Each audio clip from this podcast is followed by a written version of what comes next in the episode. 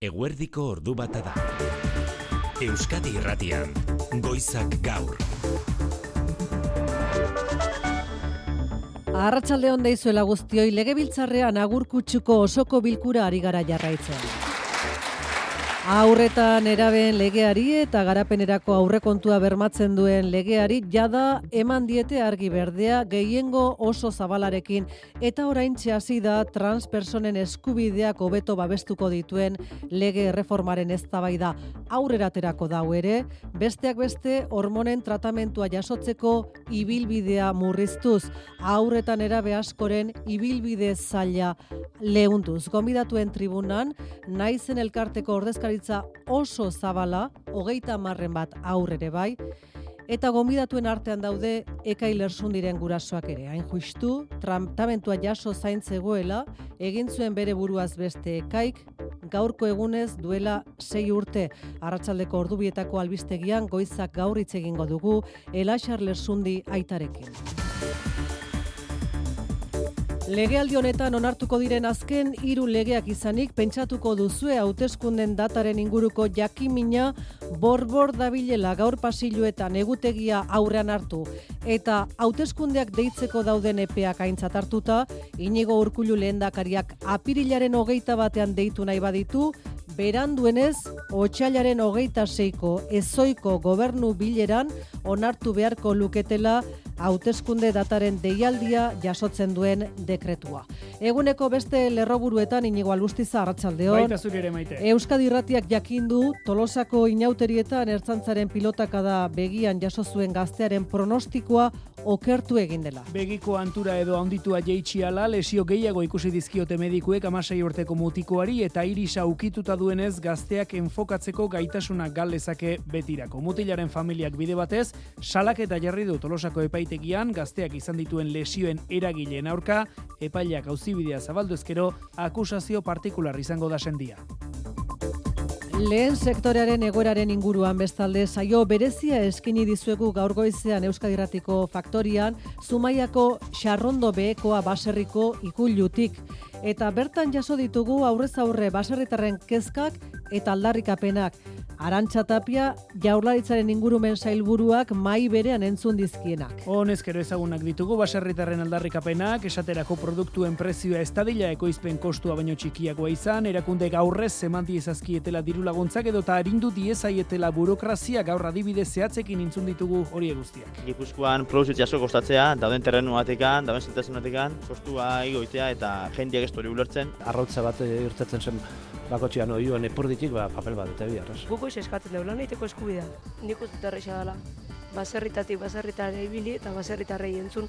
Tapia sailburuak aitortu du burokrazia arindu beharko litzaiekela baserritarrei eta horrekin batera diru laguntzen prozesua azkartu. Nik uste baietz azkartu ditzazkegu eta beste gauza bat ere inde dezakegu. Notifikazio horrekin ja eskubidea daukazu dirua izateko eta aurrera eh, eraman ahal izateko zuk egin behar dezun inbertsioa. Eta gero kobra etorriko eta ikusi konponduko gehan nola baita. Bide batez eureguneko ekonomiaren aurrikuspenaren datua izan dugu uste, baino apalago hasiko da 2008 lau honetan, Europako batzordeak egindako aurrikuspenen arabera, hain justu ere, lau amarren murriztu baitu, Europako batzordeak eurogunerako aurtengo azkundea, euneko bat koma bitik, 0,zortzira emango dizkizuegu xeetasunak albistegian. Ekialde hurbilean berriz, Israelgo armada gaza erialdeko erietxe nagusian, Naser ospitalean goizean sartu. Kea izua eta erabateko kaosa eraginez laureun gaixo dauden ospitale horretan. Eta atzera etxean, amazazpi mila biztan leirabazi ditu ego euskal herriak bi mila eta hogeita iruan atzerritarren itxierari esker. Bai, tartean esate baterako Euskal Autonomia Arkidegoan nazionalitate Espainiarra duten iru mila beiztan legutxiego zematu dituzte, baina amaika mila pertsona iritsi dira beste estatuetatik. Hala, Espainiako Estatistika Institutuaren arabera, Nafarroan biztan legoaren euneko amabida atzerritarra, euneko amarre Euskal Autonomia Arkidegoan guztira oraintxe, bi milioi eta bederatzeo mila biztanletik gora bizi dira ego Euskal Herrian. Errepidezaren nagusian ez dela aparteko arazorik esan digu segurtasun sailak, eguraldiari dagokionez, segurtasun sailak berak abisu horia ezarri du arratsalderako kostaldean enbata dela eta mendebaldetik ekialdera sartuko da enbata itxura arratsaldeko seiretatik aurrera eta temperatura amar gradu ere jeitsi omeliteke ordu betean, nahiara barredo, Euskalmet, arratsaldeon. Kaixo, arratsaldeon. Hori da hori ikusten duzuena.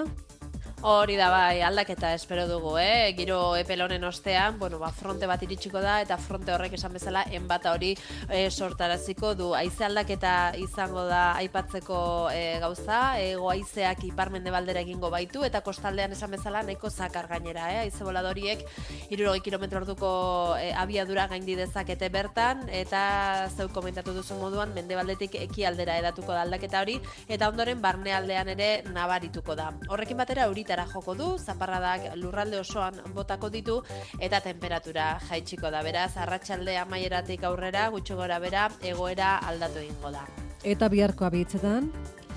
Ba, bihar ere euri egingo du, zaparrada batzuk botako ditu tarteka, baina egun amaitzerako atertuko du eta aipagarrien agian e, temperaturaren jaitxera izango da, eh? Bihar beroenak amabi eta amagos gradu artean geratuko dira. Eskerrik asko nahiara bihar arte. Zuei, bihar arte. Jose Maria Paula Zarratxaldeo. Arratxaldeo maite. Ba, koska sortu zaio eta txikia ez, txapeldunen ligako kanperaketan realari. Baiz, zista egin gabe segitzen du eta Europan hori berehala zigortzen dizute. Bi eta huts atzetik da txapeldunen ligako azken zorzirenetako kanporaketan itzuliko partida martxoaren bostean izango dute donostian. Atletismoan gaur bai da, Teresa Errandonea esietan izan dugun emakumezkorik handienetako hau geita bederatzi urterekin atletismotik lesioekin nekatuta egindako aleginaren parego ordainik gabe doa errandonea eta urte olimpiko augeratu du horretarako ba gaur tarte berezi egingo diegu Parisko Olimpiar Jokoei. Bost hilabete barru hasiko dira eta azken aldian tirabirak eta liskarrak biderkatu egin dira. Kontrato publikoen esleipena, irekiera ekitaldia, gobernuaren izendapenak eraso mehatxua. Gaur gaurko hori da jokoen testu ingurua eta hori zabalduko digu Patxi Briñon etxezarreta. Ordu bat aterdietatik aurrera kirol legezen eta pop artearen zale baldimazarete adi mm. izan ere erakusketa interesgarria bihartik aurrera Guggenheim Museoa manutxe sortu. Bai maite, ikurrak eta objektuak Guggenheim bildumako pop arte erakusketa aurkeztu du museoak pop arteko sortzaile handien berrogei arte lan erakutsiko dituzte. Bigarren mundu gerraren ostean, estatu batuek oparutasun ekonomikoa bizi zuten eta orduan hasi zen konsumismoa ere. Bagir horretan, pop art estiloko artistek kultura herrikoi edo popularrean bilatu zuten inspirazioa publizitatean, komikietan, pop artean, maite, izenik ezagunena Andy Warhol, baina bai. beste asko ere bai, Ana López de Monain, Guggenheim Museoa. New Yorkeko bildumaren artista ikonikoak, hau da, Liechtenstein, Warhol, Rauschenberg, Oldenburg, besteak beste, eta artista berriak ere bai, Guggenheim Museoak azken urteotan berriztu egindu hola pupartiaren bere historia. Erakosketa berria zabalik bihartik, irailaren amabosta bidertean. Ordu bata eta sortzi dira, aiora urdangarin eta xabi iraola teknikan eta errealizazioan. Euskadi irratian goizak gaur. Maite Artola. Zabalik legebiltzarrarekin konexioa egun berezia gonbidatuen tribunan pentsa berreun personal kartu dira gaur harrera aurrera atera diren eta ateratzear diren legeen bozketa jarraitzeko transpersonen eskubideak hobeto babestuko dituen lege erreforma orain hasi dira eztabaidatzen eta gehiengo oso zabalarekin atera dira boxen kontrako botoa besterik ez dute izan aurretan erabei sujeto gisa eskubideak aitortzen dizkion legea edota garapen legea. Jaurlaritzak errenta gordinaren euneko 0,zazpia garapenerako bidean dauden herrialdekin lankidetzan aritzera erabiltzera derrigortzen duena. Ainara Rubio legealdia amaiera bidean jarri duen saioa inolako zalantzari gabe arratsaldeon. Arratsaldeon agurren bat, txaloak eta besarkada asko ari gara ikusten gaur eusko legebiltzarrean, orain arteko bi legeak, aurretan erabezaroarena eta lankidetzarena onartu direnean, alderdi nagusien babesa jaso dute, EAJEH Bildu PS eta Elkarrekin Podemos iurena, lankidetzarenean PP eta Ciudadanosena ere bai, pozerako eguna nerea melgoza gizarte gaietako sailburuaren hitzetan, bere saiari lotutakoak baitira, gaur onartu diren irulegeak. Gaur jaleritzen ez politikan egin dudan ibilbidearen egunik zoriontzunetako bata. Adostasun zabala lortu dugu eta benetan lege ona dela uste dut. Aurrerantzean aurretan erabeen eskubide subjetiboak aitortuta geratuko dira eta debekatuta egongo da esate baterako adin txikikoak erabiltzea janari azkarra edota edari energetikoak iragartzeko legea mugarria dela esan du Save the Children elkarteak. Pilik altzada presidentea egoera gordinean dauden aurretan erabeen errealitateak eraldatzeko ezinbesteko urratsa egin du. Kontuan izan dezagun oso lege ona eta ezinbestekoa dela aur eta nerabeentzat. Lankidetza eta elkartasun legeak berriz jasotzen du jaurlaritzak aurrekontuen euneko 0,zazpi bideratu beharko duela lankidetzara ezinbesteko urratsa eman da gaur Josu Urrutia gobernuzkanpoko erakunden koordinakundeko presidentearen hitzetan. Elkartasuna beti izan da e, gizarte honen e, ezaugarritako bat eta lege honekin ba, elkartasun e, bide hori indartzeko e, tresna e, lortzen dugu. Duela hamar minutu hasi dira transexualen legea eztabaidatzen, osasun lan eta hezkuntza alorreko neurriak jasoko ditu eta besteak beste transpertsonak lehen harretan izango dira hartatuak. Legebiltzarra lepo egondak goiz osoan, alor bakoitzari lotutako kolektiboak etorri dira eta oraintxe besteak beste naizen elkarteko dozenaka pertsona tartean aurretan erabe asko ikus ditzakegu gonbidatuen palkoan. Ba, pasilloetan hauteskunden dataren inguruko jakimina lehenaz gain piztu eginda, inigo urkullu lehendakak diak aprilaren hogeita baterako deitu nahi baditu, legebiltzarreko urrengo hauteskundeak, beranduenez, otxailaren hogeita seiko ezoiko gobernu bileran, onartu beharko luke deialdia jasotzen duen dekretua izan ere ezoiko gobernu bilera batean hartuko da erabaki hori axonorozena. Arratsaldeon itxura du bai legealdiaren azken azken txanpan gaudela, bolo bolo dabil lapirilaren hogeita bateko data hori eta horretarako bete beharreko baldintza da beranduenez eh, berrogeita malau egun lehenago desegite eusko legebiltzarra. Lehendakariak beraz egun horretan egin nahiko balitu hauteskundeak ezoiko gobernu bileran deituko luke, beti ere bilera egin baino berrogeita zortzi ordu lehenago etorriko litzateke gobernu bilera horretarako deialdia, eta gure kontuen arabera, astelenean zortzi, egin dezakete gobernu bilera hori lehendakaritzan eta aste artean argitaratu dekretua Euskadiko aldizkari ofizialean.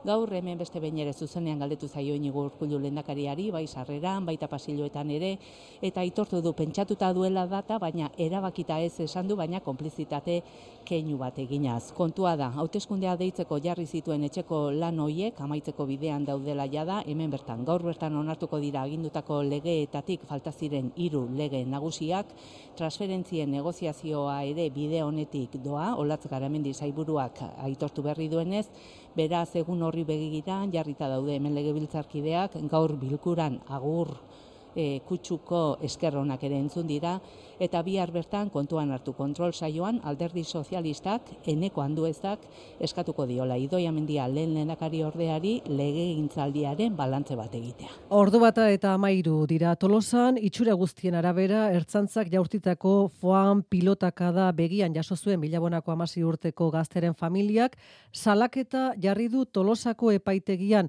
lesioen eragileen aurkako salaketa da. Euskadirratiak jakin izan duenez, mutikoaren begiari lotutako osasun pronostikoak okerrera egin du. Izan ditzake betirako arazoak, irisean ere lesioa atzeman baitiote igotzalkorta. Oraindik goiz da ezer argi eta garbi esateko, gaur egiteko azioten ebakuntza atzeratu eginda, bihar proba gehiago egingo dizkiote, ordurako azitako gunea jeitsita egongo delakoan, eta orduan jakingo da diagnostiko zehatzagoa. Baina hasieran begia etzuela galduko bazen pronostikoa, orain ezkorragoa da. Lesio gehiago atzematen ari direlako medikuak. Euskadiratea jakinduenez, irisa esaterako ikutua du. Horrek enfokatzeko gaitasunean eragin diezaioke. Aurrez gogoratu, erretina desplazamendua eta lakrimaleko lesioa ere atzemanak zizkiotela. Ordu gogora dira hauek mutikoarentzat eta sendiarentzat gaur ez dute itzegina izan, epaibideari lotuta zeniona, tolosako epaitegian salak eta jarri du familiak lesioen eragilen aurka, eta akusazio partikular izango da sendia, auzibidea irekitzen bada. Bestalde, gaztearen senide eta lagunek, elkarretaratza deitu dute larun bat honetan, eguardiko amabietan, tolosako triangulo plazan. Eskerrik asko igotz, galdaka on gutxienez zein adin txikiko hori sexu erasoak egitea leporatuta Atxilotu zituzten gizonezkoak, hogeita bat eta hogeita amazazpi urtekoak, aske geratu dira epailaren aurrean deklaratuta. Atxilotuetako bat atzo utzi zuten aske, urruntzea agindua ezarrita, bestea berriz gaur geratu da libre, aldika epaitegian, epaitegian orkesteko agindua ezarri dio epaileak. Ertzaintzak egindako ikerketen arabera, bi gizonezko ekopariak eskaintzen zizkieten biktimei, denak adin txikikoak ustez sexu harremanak izatearen truke, bi gizonezkoen arteko sexu harremanak ikustera ere behartzen zituzten, eta baita beste adin txikiko batzuen artekoak ere, biktima gehiago daitezkelakoan salaketa jartzeko deia egin du ertzaintzak.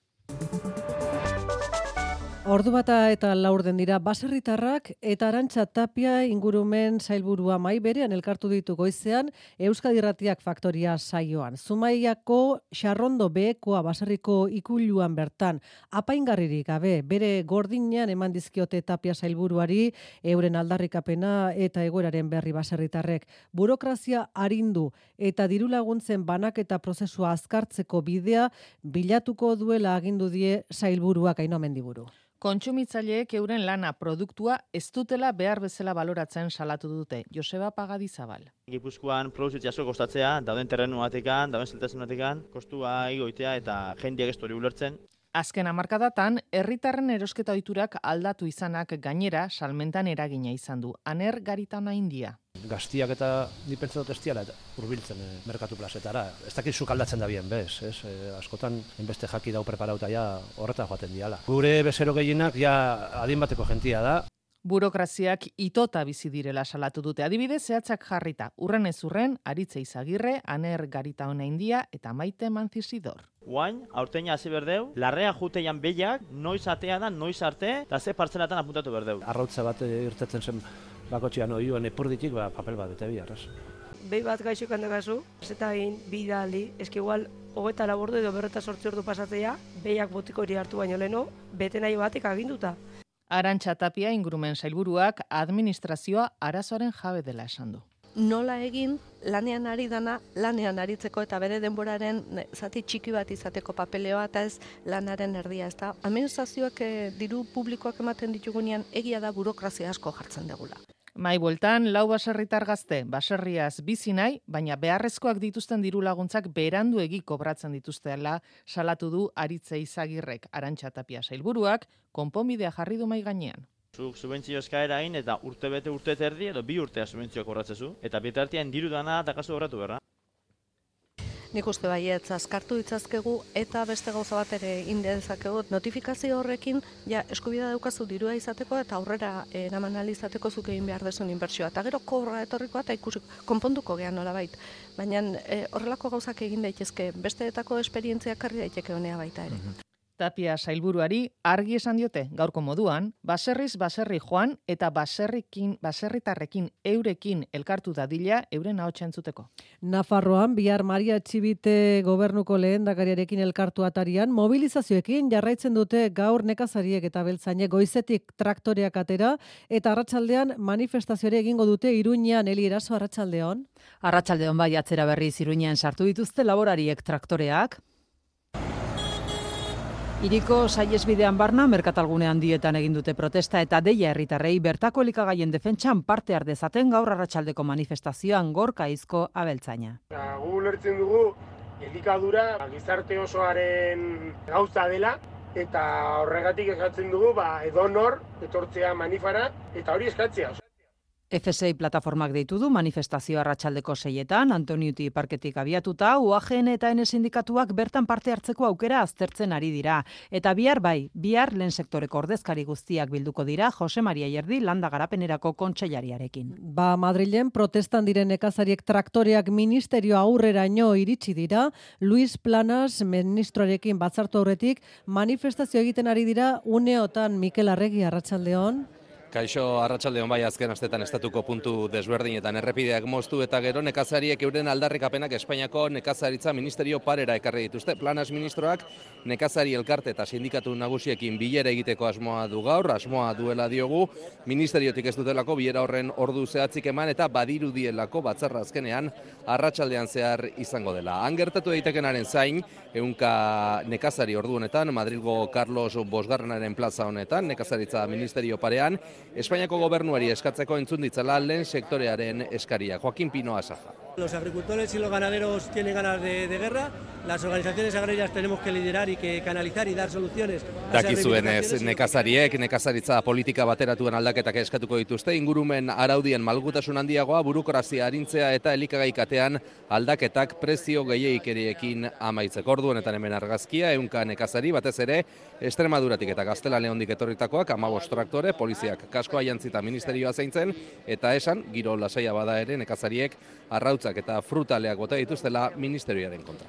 Inflazioa bi amarren haunditu da urtarrilean ego Euskal Herrian eta gauzak onela urte arteko tasa orain euneko iru koma bikoa da. Argindarrak eragindu neurri handi batean kapeiaren igoera, Espainiako gobernuak bez zergaren beherapenaren zati bat kendu ostean sisto iturriaga goitia. Estatu Espainiarrekoa baino bi hamarren txikiagoa da inflazio orokorra ego Euskal Herrian, baina alde handia daude lurralde batetik bestera. Araban 2,8koa da inflazioa, 2,9koa Nafarroan, baina 3,6koa Bizkaian eta Gipuzkoan.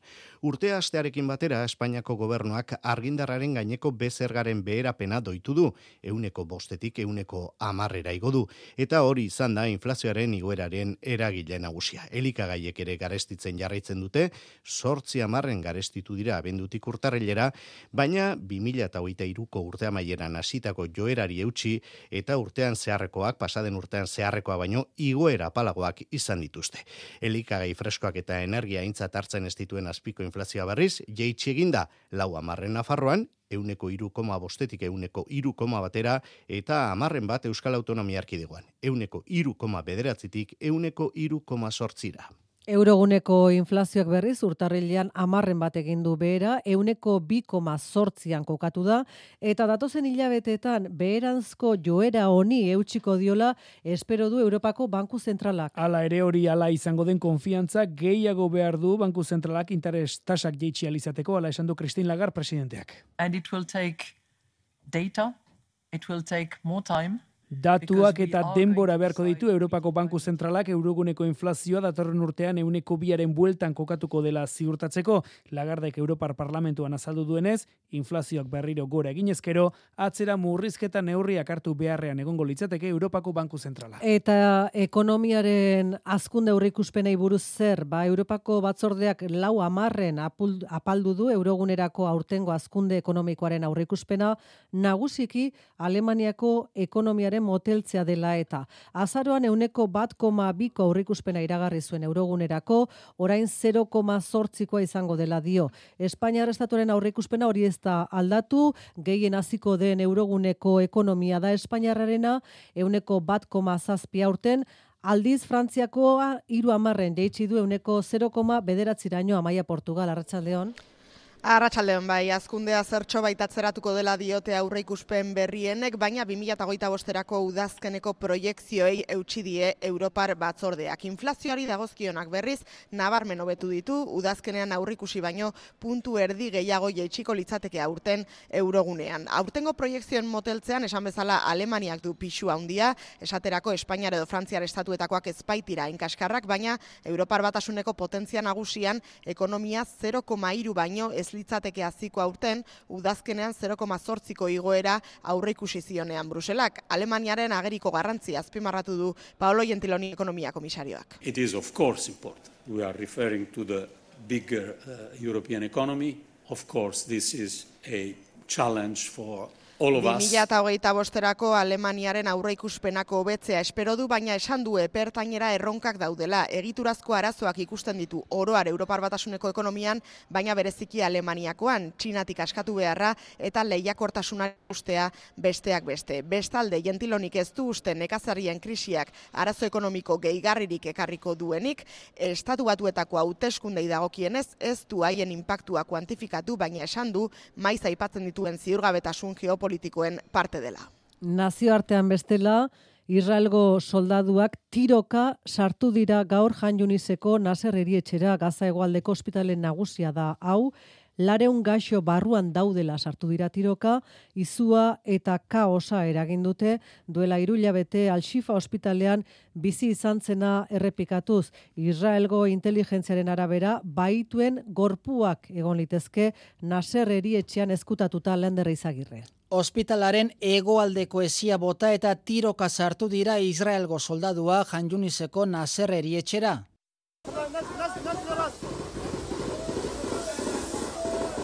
Amatasun ortopedia eta larrialdi unitatei egin diete eraso eta dozenaka zauritu eta atxilotu daude. Israelgo armadak barte mandu gaza egualdeko erietxe nagusia ebakuatzeko agindua ala egin dute bertan babesa hartuta zeuden desplazatuek, baina osasun langilez gain laureun gaixo inguru geratzen dira oraindik barruan, hauetako asko ezin dituzte inora ebakuatu, orain kontrol militar bat pasarazi eta ospitaleko eremu batetik bestera ari dira banan-banan mugiarazten. We have credible intelligence from a number of sources, including from released hostages. Nazar Hospital barruan baituen gorpuak egon daitezkela dirazi du Israelgo armadak inteligentzia zerbitzuen informazioa aipatuta operazioa zehatza eta mugatua dela gaineratu du Daniel Jagari armadako bosera maleak.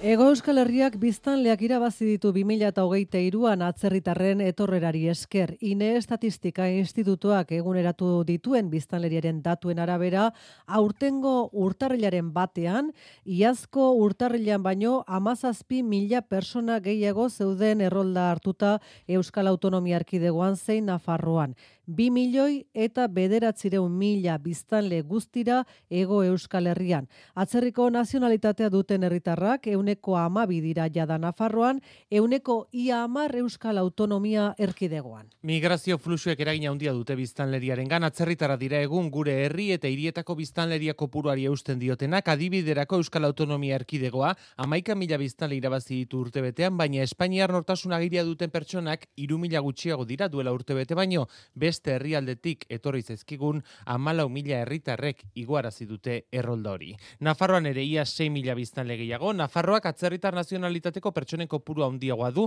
euneko amabikoa, Euskal Autonomia Erkidegoan euneko amarrekoa den bitartean. Kontuan hartu behar da Espainiar nazionalitatea lortzen duten gizon emakumeak ez direla zenbaki horietan sartzen, estatutik kanpo jaiotakoak izan arren. Horiek ere kontuan hartuta, ego Euskal Herrian irure mila pertsonatik gora bizi dira gaur egun, beste herrialde batean jaio zirenak biztanleri osoaren euneko amarterdi da. Herrialdei begira, Kolombia da azken urteetan gurera jende gehien ekarri duen herrialdea, bai Euskadin eta baita Nafarroan ere, ondoren Maroko dator eta jarraian Venezuela eta Peru. Jaularitzaren azken iragarpena, landa eremuan kutsa zainak jartzeko diru laguntzak onartu ditu, hain zuzen ere landa eremuko berrogeita ama biudalerritan Kutsazainak jartzeko diru lerroa da ekonomia sailak onartu duena. Datorren martxoan irekiko da lizitazio epea udalerri bakoitzean zerbitzu horren diru laguntza adjudikatzeko, sei kutsa automatiko araban jarriko dituzte, hogeita bat gipuzkoan eta hogeita bos bizkaian ekonomia sailako arbidez aurreratu du, helburu zera dela, benetako finantza inklusio baten alde egitea, azkunde albidetuko duena landa ere muen garapen ekonomikoan. Bilbon, Abando eta Bilbo Zaharra lotuko dituen irigintza proiektu aurkeztu du gaur udalak abiadura handiko trena lurpean geratzen denean, azalean geratuko den eremu handi horrek izango duen itxura alegia. Udalak historikotzat jo duen proiektua Marijo Deograzias Arratsaldeon. Arratsaldeon bai, ba, parke erraldoi batek hartuko du Bilboko abando ingurunea eta trenbideak banatzen dituen auzo biak lotuko ditu Bilbo Zaharra eta abando hasierra bauntza Bilboko irigintza zinegotzia. Abando ingurunea iriarentzako e, leku estrategikoa da, le, iriaren erdigunean kokatuta dagoelako, baina batez be, auzo bien e, lotune edo lotura izango dalako proiektu. Gaur aurkeztu dute abiedurandiko trena lurperatuta inguruak hartuko duen itxura deseinatu duen proiektu irabazlea, natura erdigunean jartzen duen proiektua entzun. La oportunidad que se nos daba era introducir la naturaleza en el corazón de Bilbao. Si veis, toda la propuesta se basa en un gran corredor. Korridore handi baten itxura hartuko du Flavio Tejada proiektu irabazlearen ordezkariak azaldu duenez, eunda hogeita amar mila metro kuadratzen ditu ere horrek, eunda amar mila izango bira eraikigarri, eta horiatik euneko berrogei babestutako etxe bizitzak hartuko dute.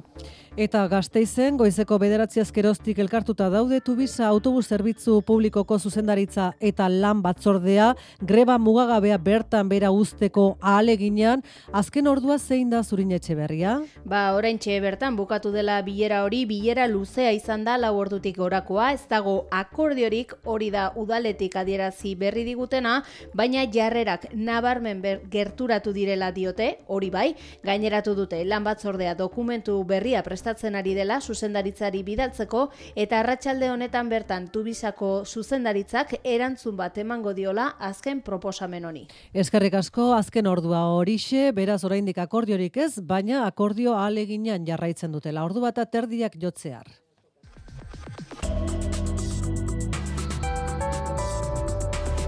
Euskadi Irratian eguraldia eta trafikoa. Errepide saretik hasita balda inolako eragozpenik orduan eta mertzitxe berria. Bai ba, pare bat kilometroko autoiladak daude irunen ape sortzian, bilborako norantzkoan segurtasun sailak jakinarazi diuenez. Eta hause urrengo orduetarako eguraldiaren pronostikoa euskalmeten eskutik. Giro epelonen ostean, arratsalde amaieran aldaketa espero dugu. Fronte bat iritsiko da eta izaldaketa izango dugu. Egoizeak iparmende baldera egingo du eta kostaldean nahiko zakar gainera. Aize boladek bertan irurogei kilometro orduko abiadurak gaindi dezakete. Haize aldaketa hori mendebaldetik ekialdera edatuko da eta baita kostaldetik barnealdera ere. Horrekin batera euritara joko du zaparradak lurralde osoan botako ditu eta temperatura jaitsiko da. Beraz, arratsalde amaieratik aurrera egoera aldatu egingo da. Iparraizea sartu eta euritara joko du.